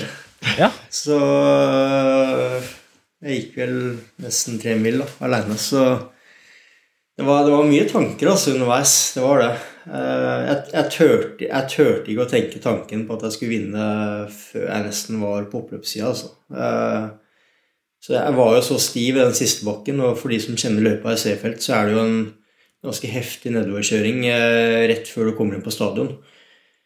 Eh, Og det var ganske løst og uggent føre, så jeg var jo supernervøs ned siste bakken. Eh, Og på om jeg skulle tryne eller klare å holde meg på beina. Eh, Så det Og jeg husker jo Jeg tok jo ikke drikke, eksempel, siste timen på den femmila. Og Hvorfor ikke det? Nei, jeg var, jeg var så redd for at uh, tar jeg drikke nå, så taper jeg ett eller to sekunder. Så tenkte jeg at Altså, tenk om jeg tenk om man, eh, tenk om jeg ble slått da, med ett eller to sekunder. Jeg kan ikke gi fra meg de sekundene. Så jeg gambla litt og valgte heller bare, bare gå uten å ta til meg drikke eller næring siste timen. For å, rett og slett for å spare sekunder. Eh, Og det kunne gått skikkelig gærent, det, altså. Eh, Men eh, Det er bedre å bli verdensmester og være tørst enn å bli nummer sju og ikke trenge drikke når du kommer i mål. hvis du ser de bildene hvor jeg liksom kommer inn på oppløpssida, så ser du at det er ganske sånn hvit rundt munnen. Helt sånn uh, inntørka. Så. Men det jeg syns er så kult med det rennet, er at det du var litt inne på det, Øystein, det symboliserer det jeg beundrer aller mest med idrettsutøveren Hans Christer Holund. Og det er det at du turte å du turte å gå ned med flagget til topps på et vis. Du var villig til å satse for å vinne. Og jeg tror det er, for, det er så mange som er, om det er frykt for å se dum ut, eller frykt for å, å liksom Jeg vet ikke, det er, det er basert på frykt, da, så tror jeg de ikke tør å gå for det. Og spesielt når ikke man har verdens beste spurt. Da er man nødt til å ta styring på rennet før spurten, og gjøre rennet til sitt eget. Og da risikerer du å se dum ut, da. Du risikerer å s- ser stiv og tørst ut eh, to kilometer på mål, og så taper du alt. Og så er det noen winnerballs som når femmila. Du må være villig til det for å ha muligheten til å vinne femmila alene eh, etter å ha gått tre mil alene tørst. ikke sant? Og det, eh, det er selvfølgelig, Alle husker de gangene du går alene i mål, det er det vi snakker om nå. Men, og jeg har, har det ikke på, liksom på tunga, men jeg er helt sikker på at det er en del ganger hvor vi har tenkt sånn ah, Det er Hol- Holund, liksom. Ah, det gikk ikke. Liksom. Ah, det gikk, hva driver han med nå? Eh, Og det er fordi du prøver. ikke sant? Og til, Før kunne jeg kanskje vært tilbøyelig til å si sånn her, ah, ikke sant? mens nå så, er jeg så, så, så setter jeg så pris på det. Og, og nå sist mesterskap òg, eh, så fikk vi ikke se deg så ofte som eh, jeg ville. da. Og jeg er helt sikker på at du hadde ikke gått i noe kø. Du hadde prøvd. Og så er det ikke sikkert du hadde vunnet, det er ikke sikkert du hadde klart det noe bedre enn andre. Men du hadde i minste prøvd, og det gjort det mye mer underholdende og gøy for oss som så, ser på på TV. For da er det andre enn de som er gode til å spurte, som uh, gjør det. Uh, det, og det er så viktig å ha sagt. Altså det, og det mener jeg også er en sånn ting som jeg, jeg håper at unge utøvere der ute får med seg. For at den eneste måten å vinne renn på, er å gjøre renn til sitt eget. Eh, og hvis du går renn på andres premisser, så, så vil du med aller største sannsynlighet tape. Eller, eller få fjerdeplass, eller femte, eller sjette eller syvendeplass. Og who fucking cares? Det er ingen som sitter og spiller inn en podkast, dessverre, da, med de som har ble nummer syv. Da er det like seg at det blir 13., 14. eller 20. 20.-plass. Ja, men de har en tendens til å lage sin egen. Ja, men, og, og, og, det, det er synd, da. Vi burde helt sikkert ha på flere som, som, for å høre andre perspektiver. Ikke sant? Vi, man blir jo til at vi også blir, gjør, blir sånn highlight reel-show og har bare de folka som, har, som av x, y og z grunner har fått til ekstraordinære ting. Eh, men det er derfor jeg syns det er litt gøy med deg også, for at jeg opplever at du ikke har altså Du har vært dritgod. Du har, vært, du har på en måte det, er- det er, vi kan alle kan relatere seg litt til det. Det er liksom deler av din historie som vi kan kjenne oss igjen i, alle sammen. Og Jeg tror liksom, jeg vet ikke om det har vært bevisst fra din side, om det er noe du, du tilegna deg etter hvert som du ble moden. Da. Men jeg, eh, sett utenfra så ser det ut som at du på et eller annet tidspunkt ble veldig moden. Og, jeg mener sånn de siste årene, bare den moden, da. Altså den modneste.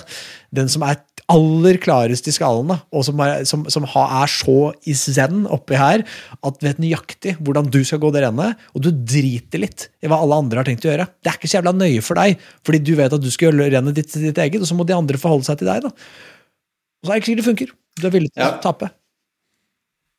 Ja, nei, men det, jeg er for så vidt enig i det. Altså, jeg tror nok eh, dessverre at det er en del skiløpere der ute som er kanskje litt for feige. Altså. Eh, litt for redd for å jeg vet ikke, drite seg ut eller se dum ut på TV. Og det, jeg, altså, stort sett så taper jeg jo.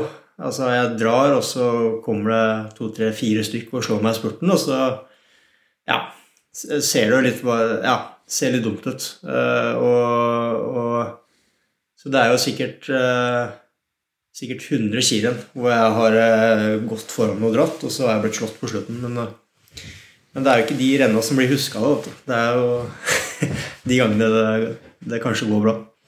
Og der hadde du kanskje en, en litt sånn flyt med når du kom inn på lag òg, da. Fordi at Martin begynte Han skjønte jo det, han også. Martin gikk jo rennene eh, han gikk tidlig i karrieren sin på andres premisser. Og det var jo først når han skjønte at jeg må ta styringa sjøl hvis ikke så kommer Petter til å spurte fra meg, at han begynte å gå. Du sa det jo. Min første pallplass ja, det var på den tiden hvor Martin stilte seg på start og bare malte i stykker feltet. Og så var ikke spurterne med lenger, da. Og på en måte du tok jo litt over den stafettpinnen når Martin øh, øh, Han ga seg jo ikke, men han var ikke like vass lenger, da. Så, så på en måte tok jo du, og, og Simen Eksa Krüger også, tok litt den arven litt over, da. Mm, ja, ja, ja. Jeg, jeg tror uh, jeg tror jeg kan takke Martin for uh, veldig mye, altså. Uh, han, han, viste jo at det var flere måter å avgjøre et skirenn på. Og jeg, jeg, skal ikke se bort fra at jeg hadde vært en annen skiløper hadde det ikke vært for at Martin uh, var så god de, de årene og, og avgjorde mange skirenn ved at han var, han var best trent i feltet. Og, og og det er sånn før, du kan si før Martins periode, så var det nesten en sånn tiårsperiode hvor det var det var eh, Fellesstarten var enda kjedeligere enn i dag.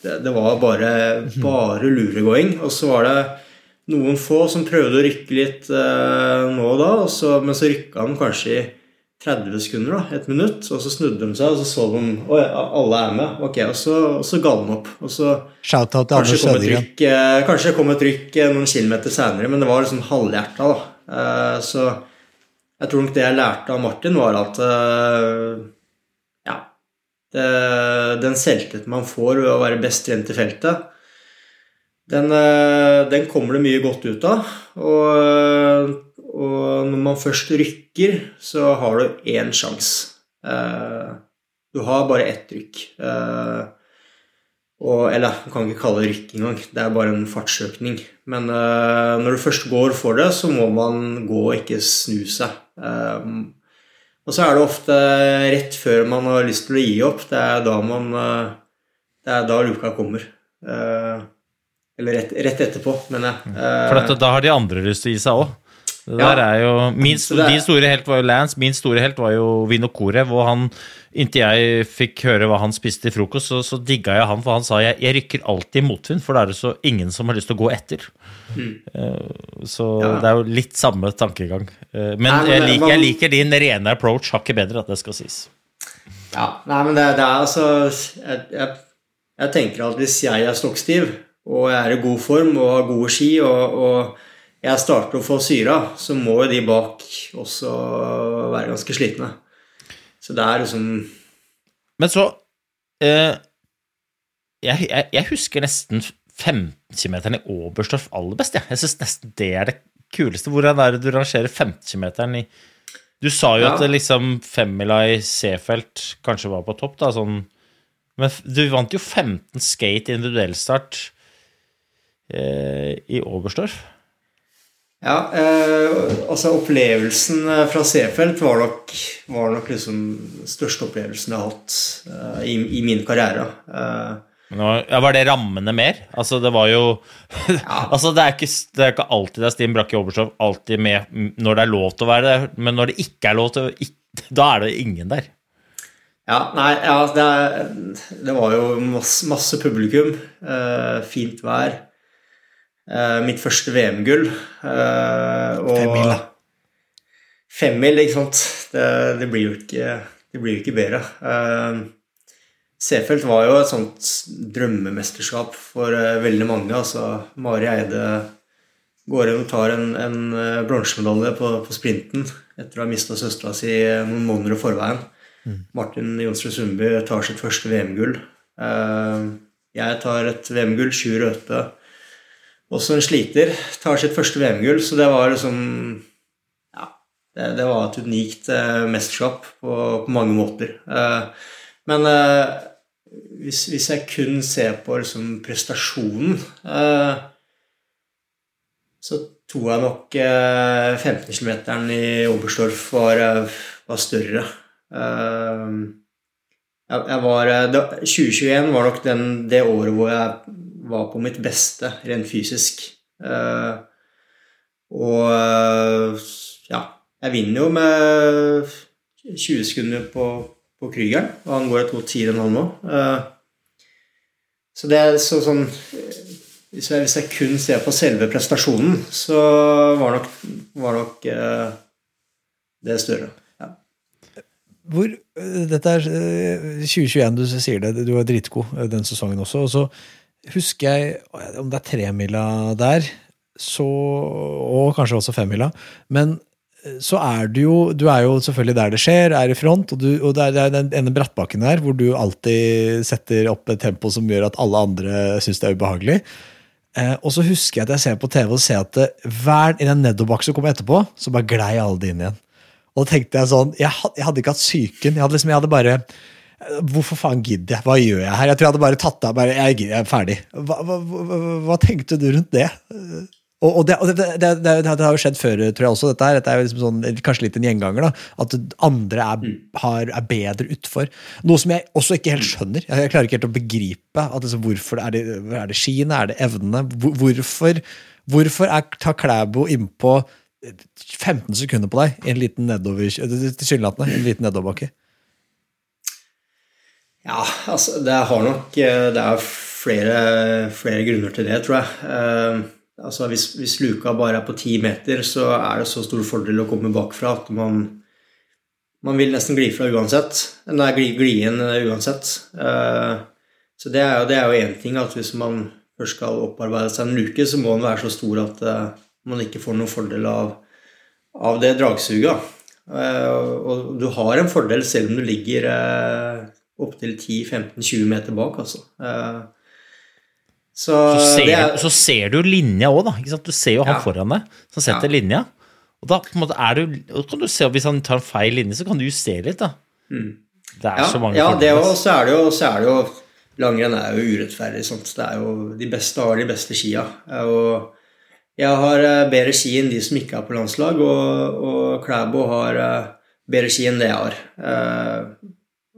Så- Sånn er det, på en måte. Så det at Klæbo eh, er veldig god nedover Han, han er jo en skikunstner. Du ser det jo på, du ser det jo på måten han går på. Han, han, eh, han står bedre på ski nedover enn det jeg gjør, men det er nok også at han har eh, kanskje litt bedre ski, og det er, det er flere faktorer. Da. Apropos Klæbo, vi må bare snakke om, er han, er han tidenes? Tidenes beste langrennsløper? Er det for tidlig å si, eller kan man si det allerede nå? Har du gått med noen bedre? Eh, ja, ja Ja, nei, han, er, han er vel det, ja. Eh, hvis du ser på antall eh, Altså hvor ung han er, og hvor mye han har vunnet, så, så er det vel ingen som er bedre. Eh, så er det jo Altså, idrettsprestasjon kan jo måles i resultater, og det kan måles i eh, liksom, hvor stort øyeblikket var, da.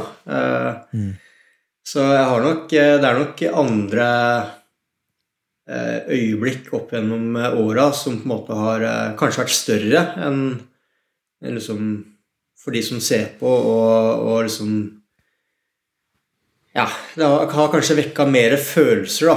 Når, enkelte ganger når en Petter Northug har vunnet, enn når, når Klæbo har vunnet. Eh, eh, men men jeg, jeg tror nok at ja, Klæbo er, er, han er Han er god, altså. Um, kan godt hende at det her er et spørsmål som er over streken, da, men uh, siden vi drar opp Klæbo Du jo uh, Du stilte jo opp som tittelforsvarer i VM nå.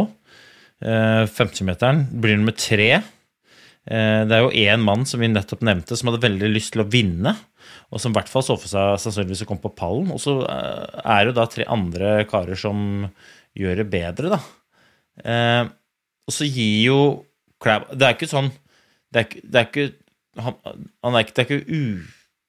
Du får ikke verdens største hyllest fra Klæbo gjennom media, i hvert fall. Hvordan, hvordan påvirker det laget, liksom? Er det lov å spørre om det? Eller får ikke dere med dere noe sånt? Eller er det jeg som overtolker? Nei, Du må ikke svare på det. Jeg skal øh, være litt forsiktig med å svare på det spørsmålet, tror jeg. Men øh, eh, Nei, altså det er, Man har jo på en måte Når man går en 15 km individuell start, så er det jo øh, da, da har man ikke så Man kan, kan liksom ikke skylde på så mange andre enn seg sjøl, si, både den ene og den andre veien. Det er, ærlig. øh, det, er så, det er så fair og ærlig som det kan bli, på en måte. Det er førstemann fra A til B, og, og man går aleine hele veien. Og, og det er uh, Ja. Så uh, Men, men det, var, det var ganske bra deg Altså, den, den 50 meter var fornøyd med den, eller? Ja, veldig fornøyd. Jeg var Jeg sleit. Jeg ble nok litt for Jeg hadde et, en veldig bra Tour de Ski og var liksom på vei opp som formmessig. Og så ble jeg nok litt for grådig, vil jeg si, på, på treninga etter Tour de Ski. Skulle på en måte legge inn en ny treningsperiode som ble, som ble litt for tøff uh, rett etter Tour de Ski. Og, og så det, der ser du, altså. Selv med mange års erfaring, så, så gjør jeg feil, jeg òg, altså.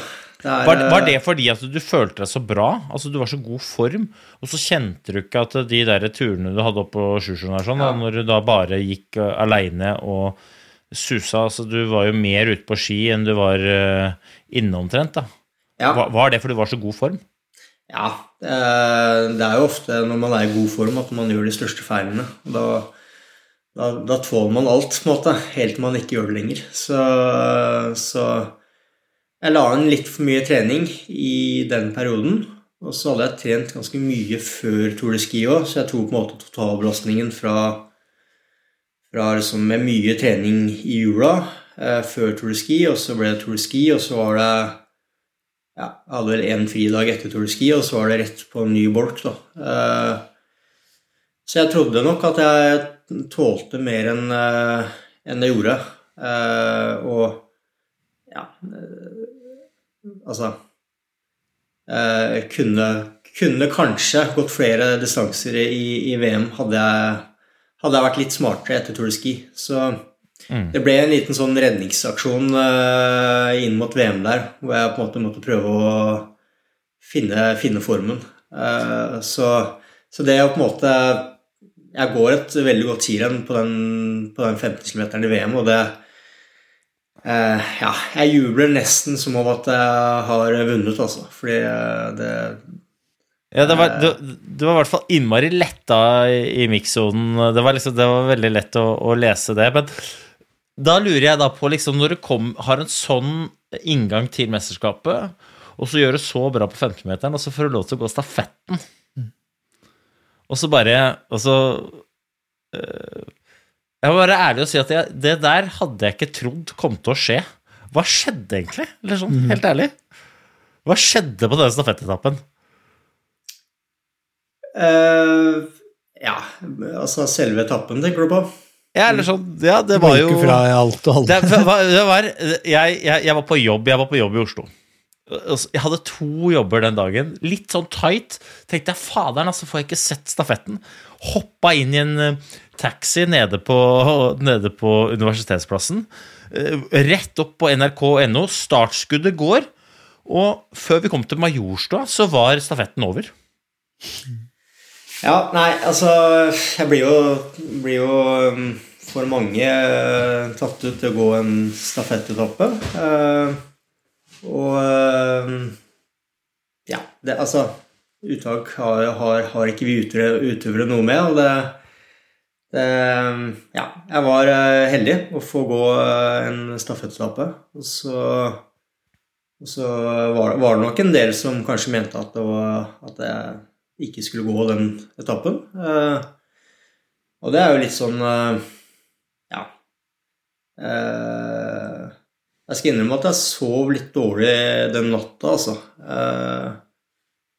Av forskjellige grunner. Det er litt sånn eh, uggen følelse å gå en etappe eh, hvis, hvis, man har et inntrykk av at det er andre som mener at jeg, jeg ikke skulle gått den etappen.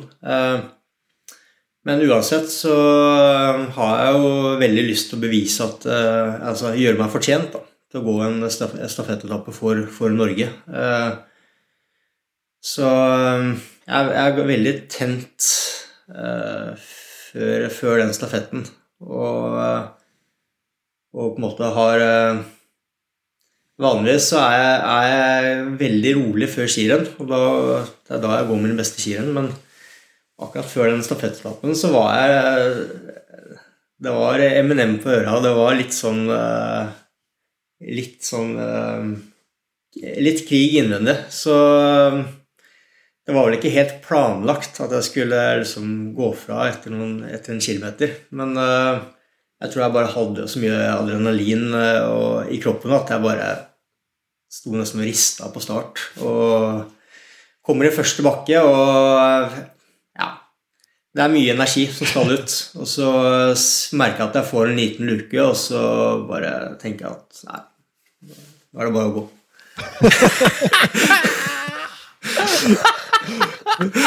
Men det er gøy, gøy det er stafett, og du har hatt eh, stang ut noen ganger også på stafett, og så her var det stang inn. Eh, Er det en følelse på, på landslaget, norske landslaget at eh, det er litt sånn elle-melle, hvem skal få lov å få gull? For det er jo, i hvert fall nå de siste årene, da, så har det jo vært liksom når, Og i hvert fall når Russland ikke får lov å delta, så, så er- det på en måte liksom vi har fire gull, liksom. Vi har fått fire gull av FIS. Hvem er det som vi fortjener det mest? Og så begynner man å dele ut litt, og så mm, er det lurt å ha Klæbo på siste. Vi skal være sikre på at vi kan faktisk drive og dele ut. Eh, Er det, er det liksom en følelse av det, eller, eller er det For det er jo det som jeg opplever som faktum her. Uh, ja, det, det, det, det må du spørre disse, disse som tar ut laget om, tror jeg. Det, Men følelsen blant dere utøverne? Ja, men samtidig så Du så jo i, i Toblak. mm, Det var ikke så lenge før det. mm. Så Ja. da det er, ikke, det er ikke bare å dele ut gull, altså. Nei, nei, nei. Det er ikke det, altså. Så det er uh, Toblak var en sånn eh, Ja. Eh, nei, altså, det Jeg, tror, du, tror. Østberg Amundsen, tror du Østberg Amundsen hadde sovet godt hvis han hadde fått beskjed om at du går siste etappe? Nei. Da hadde plutselig du sovet veldig godt. Ja, ja, ja. Så jeg tror med de tøffe løypene der, så tror jeg man oppriktig, jeg tror man kunne satt eh, virkelig eller jeg tror Man hadde ikke behøvd å ha Klæbo på siste heller, det beviste man jo egentlig. Eh, Ja. så, men liksom nok om den. Jeg, tror- jeg Så lenge man har HC på første, så ordner det seg. Ja.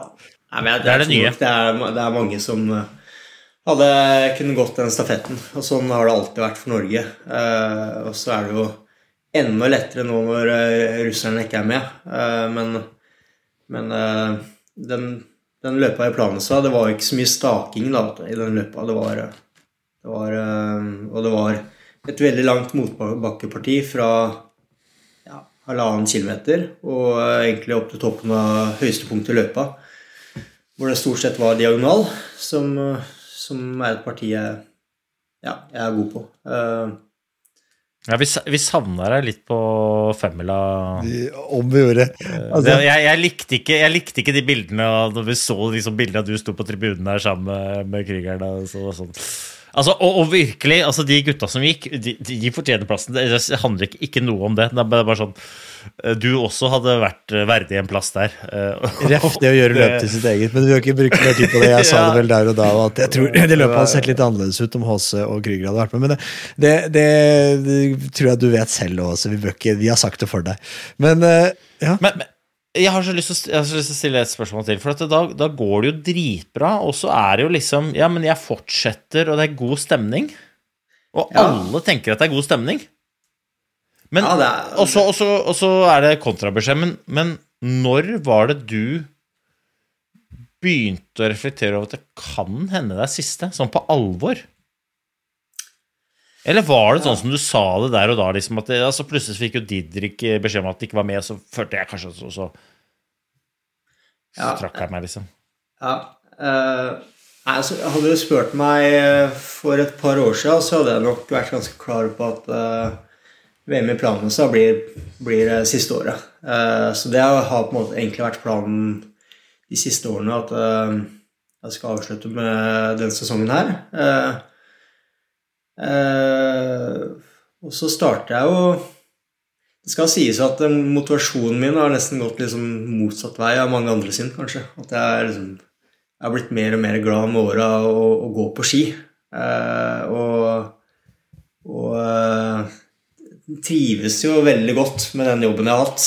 Eh, synes jo det er eh, Jeg går ikke femtimersturer bare, fordi bare fordi jeg tror på det. Jeg, sy jeg syns det er gøy òg, faktisk. Eh, merkelig nok. Så eh, det er en litt jækla fin jobb. Uh, morsom jobb. Uh, spennende. Uh, det gir meg mye. Så, så, det er liksom noen ganger så er det sånn ah, Synd at jeg er 34 og ikke litt 24, liksom. Men nei, så, så utover i sesongen så så endrer jeg meningen, da, og tenker at det er jo for gøy dette her til å gi seg nå.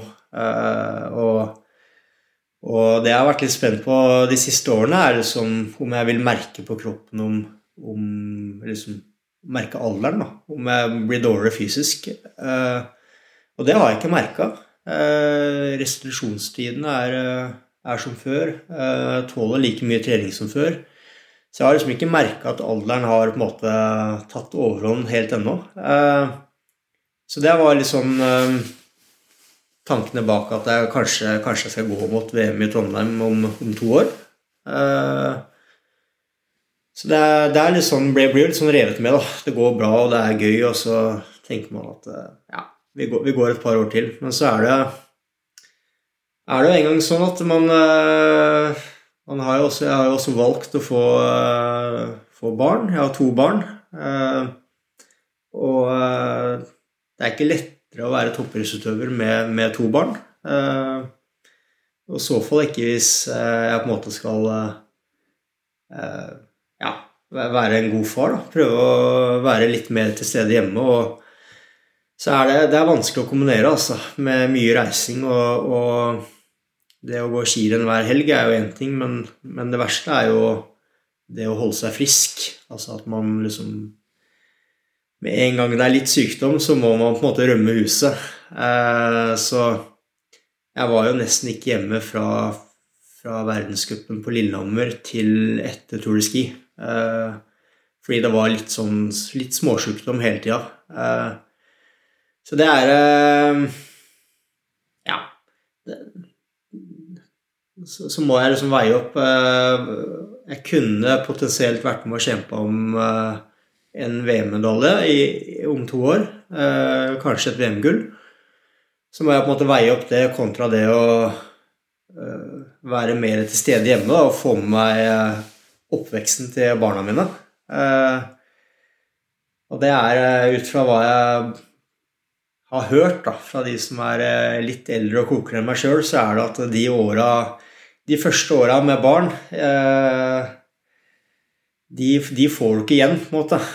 Og det å liksom eh, være til stede og på en måte kunne lære barna dine å gå på ski og sykle og, og liksom Ja, være til stede. Det, det er gull verdt, det òg. Eh, så det er Ja. Det er litt tankene bak avgjørelsen om å om å på en måte gi seg, gi seg mens leken er god. Så Og sånn Nå har det gått, gått en ja, en måned og halvannen siden jeg tok den beslutningen, og det, det, kjennes, eh, det kjennes rett ut, altså. Det er, eh, det er Det var riktig beslutning. Så ja. Alt, alt i sin tid. Du er en klok mann. Det er, eh, det er, eh, god, god, analyse. Det, er liksom, det er, høres eh, helt rett ut, og i hvert hvert fall rett for deg, da, uten at man skal si at andre som konkluderer annerledes, at det er dårlig der. Følte du på at timingen um, For det ble jo et rot der. Jeg tror ikke var din feil, først og fremst, da, men det ble på en måte litt sånn deltakende i, i rotet. Uh, følte du liksom hva, hva var tankene dine rundt det? Uh, ja, altså det har, det har, vært mye rot altså, med Skiforbundet. Har det bidratt til å ta beslutningen? Gjorde det enklere uh, for deg? Uh, ja, det var nok uh, Altså, det er jo aldri én faktor Altså, det er aldri én ting som Altså, det er jo flere ting da som er med på å liksom, bestemme om jeg skal fortsette eller, eller legge opp. og Uh, uh, altså, hovedgrunnen er at jeg har lyst til å være mer, mer hjemme og bruke mer tid med, med barna mine. Men uh, jeg, jeg, var jo på topptur med noen kompiser i Jotunheimen. Og det er dårlig dekning og liksom Ja. Får, eh, får god tid til å tenke. Går, eh, har liksom lange dager i fjellet. Eh, og så Og så får jeg en tekstmelding om at liksom Ja, nå er eh, bomben sluppet, på en måte. Eh, ring, meg, ring opp hvis det er noen spørsmål. Eh, jeg skjønner jo ingenting hva som har skjedd. Altså, er det eh, Ja. Så jeg hadde jo ikke Når jeg får den tekstmeldingen, så har jo, har det allerede vært et informasjonsmøte på morgenen, og, og um, jeg er ikke helt oppdatert, da. Men eh, så ringer jeg Nossum uh, når jeg får dekning, og så ja, forklarer han situasjonen, da. Uh, og da det da, da tenker jeg jo litt sånn at eh, her er jeg som Jeg har fått en plass på landslaget, men så er jeg litt usikker på om det er eh, rett at jeg skal fortsette. Eh, og da, da tenker jeg nok litt eh, Jeg tenker jo det at eh, da, da er det kanskje bedre å, å på en måte gi den plassen til en som uh, har tid uh, og lyst og overskudd til å liksom gå all in mot VM i, i, i Trondheim. I sin egen hjemby. Uh, ja, så Så det er eh, det er, nok, det er nok andre på det laget som har vært proffere enn det jeg har vært siste året. Eh, og eh, Som har bedre plass i ja, så da tenker jeg medaljeskapet. at det kanskje er bedre, bedre at de får, får den plassen. Så. Og så er det jo andre som ikke Du kan jo Altså, det er jo Du har jo en Iver Tilheim, da, som Ja. som også fint kunne vært på det laget. Altså, han tok en verdenscupseier eh, den vinteren her og er ung og lovende og en knakende fin fyr. Så, så det er uh, Altså, det er helt sinnssykt at de resultatene på i verdenscupen Han, bare, har jo vant til en verdenscupseier, det men han har jo vært oppe der flere ganger, og, og så er det ikke plass på landslaget. så Det jo, det der er vi jo, så har vi jo snakka om i denne podkasten tidligere, at det, det er flawed, eh, et flawed system. At ikke, er, at ikke de beste får gå, liksom. Det er, det er synd. Eh, Men eh, det, det har vi ikke tid til, tror jeg, nå. For nå har vi snakket, Det har vært en kjempegod, kjempegod prat også. Du er en, er en klok mann. Jeg, jeg vil jo gjerne prate om, om hva som skjer videre, men det får vi ta i en podkast ved en senere anledning. Dette var jo en slags This is your life til nå. Eh, vi snakka om karriere, snakka om idretten, og, og jeg tror liksom at det er masse lærdom Jeg å ta ut av den karrieren du har hatt.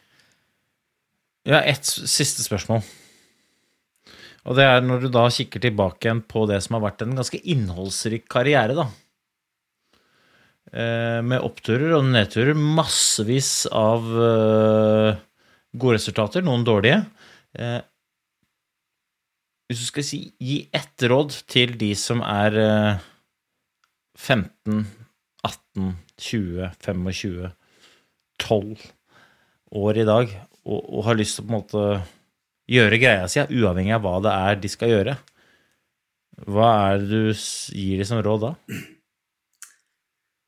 Eh, ja Kan jo starte med å Uff, det, er, det, er, det er vanskelig å velge ett, altså. Men uh, jeg tror nok uh, at som ung utøver så Vi hører jo om en Petter Northug og en Thomas Alsgaard, en Bjørn Dæhlie og en Johannes Klæbo og disse stjernene som går eh, rett fra junioralderen og så, og så starter med å prestere liksom fra første året som senior.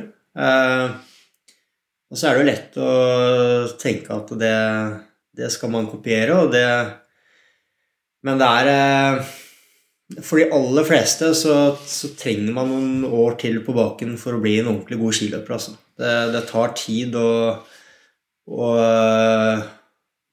det tar tid å utvikle de egenskapene som skal til for å for å kunne vinne skirenn i verdenscupen. eh, For de aller fleste. Eh, Så er det noen eh, supertalenter som Altså ikke bare talenter, men det er noen som får til. Men de aller fleste trenger noen år ekstra. Så jeg tror nok at det er en del som eh, har en veldig fin juniortid, og så, og så tar de seg et friår, da. Og så tenker at nå er det all in mot, eh, mot det å bli god på ski. Og så trener de kanskje litt over evne. Eh, Og, og jeg liker å snakke om altså ikke hvor mange timer du trener, men hvor mange timer du klarer å absorbere. Sant? Og det er eh, En som er dårlig trent, kan trene 800 timer, men eh, han vil ikke klare å absorbere de 800 timene.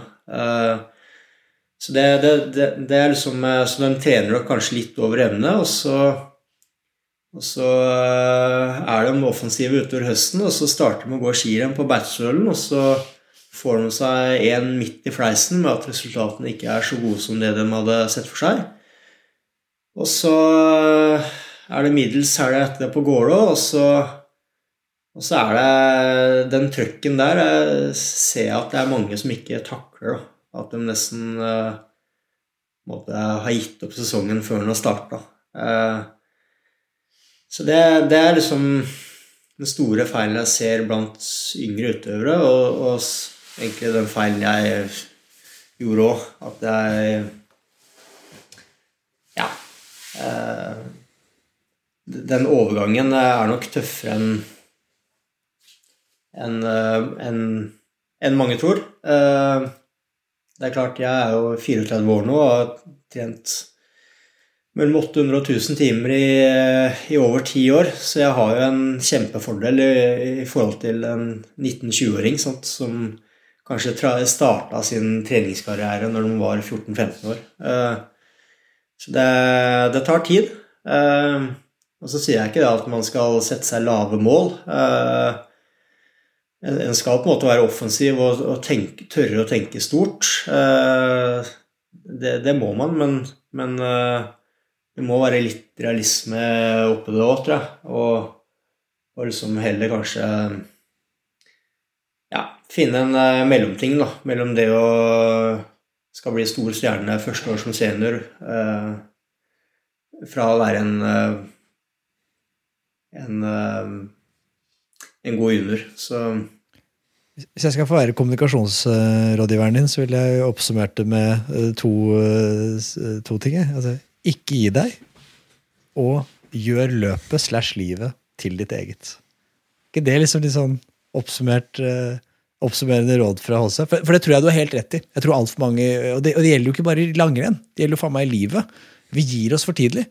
Fordi at vi ikke ser, vi ser mm. naboene eller noen andre får umiddelbare resultater. Fordi at enten de har talent, eller de har flaks, eller de har, andre, de, de har et annet liv.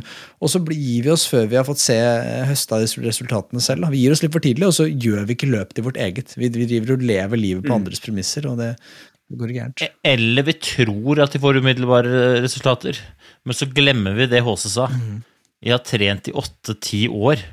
800 til 1000 timer. Men de har ikke du mm. sett. Mm. Du har bare akkurat kommet dit, og så tror du at jeg har fått, men du har ikke sett. Jeg er høyere oppe enn deg på stigen fordi jeg klatra de forbanna trinna. Jeg ble ikke mm. født oppi stigen her. Jeg klatra de trinna sjæl, og jeg har gått den samme veien. Og du, må ikke, du må ikke Det er mange som misforstår liksom utvikling og tenker at den stigen er en heis, men det er det ikke.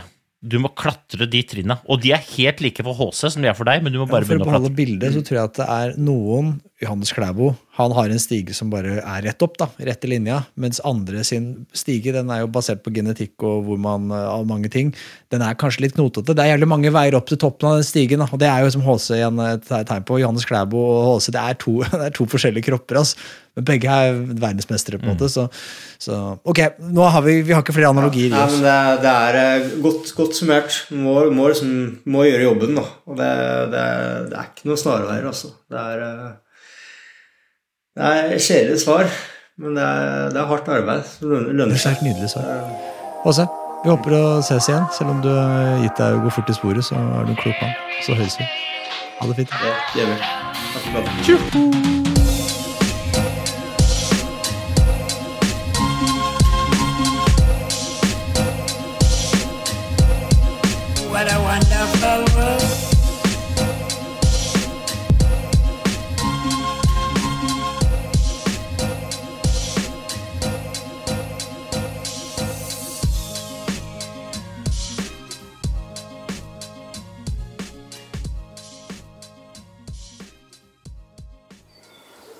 Gode dager.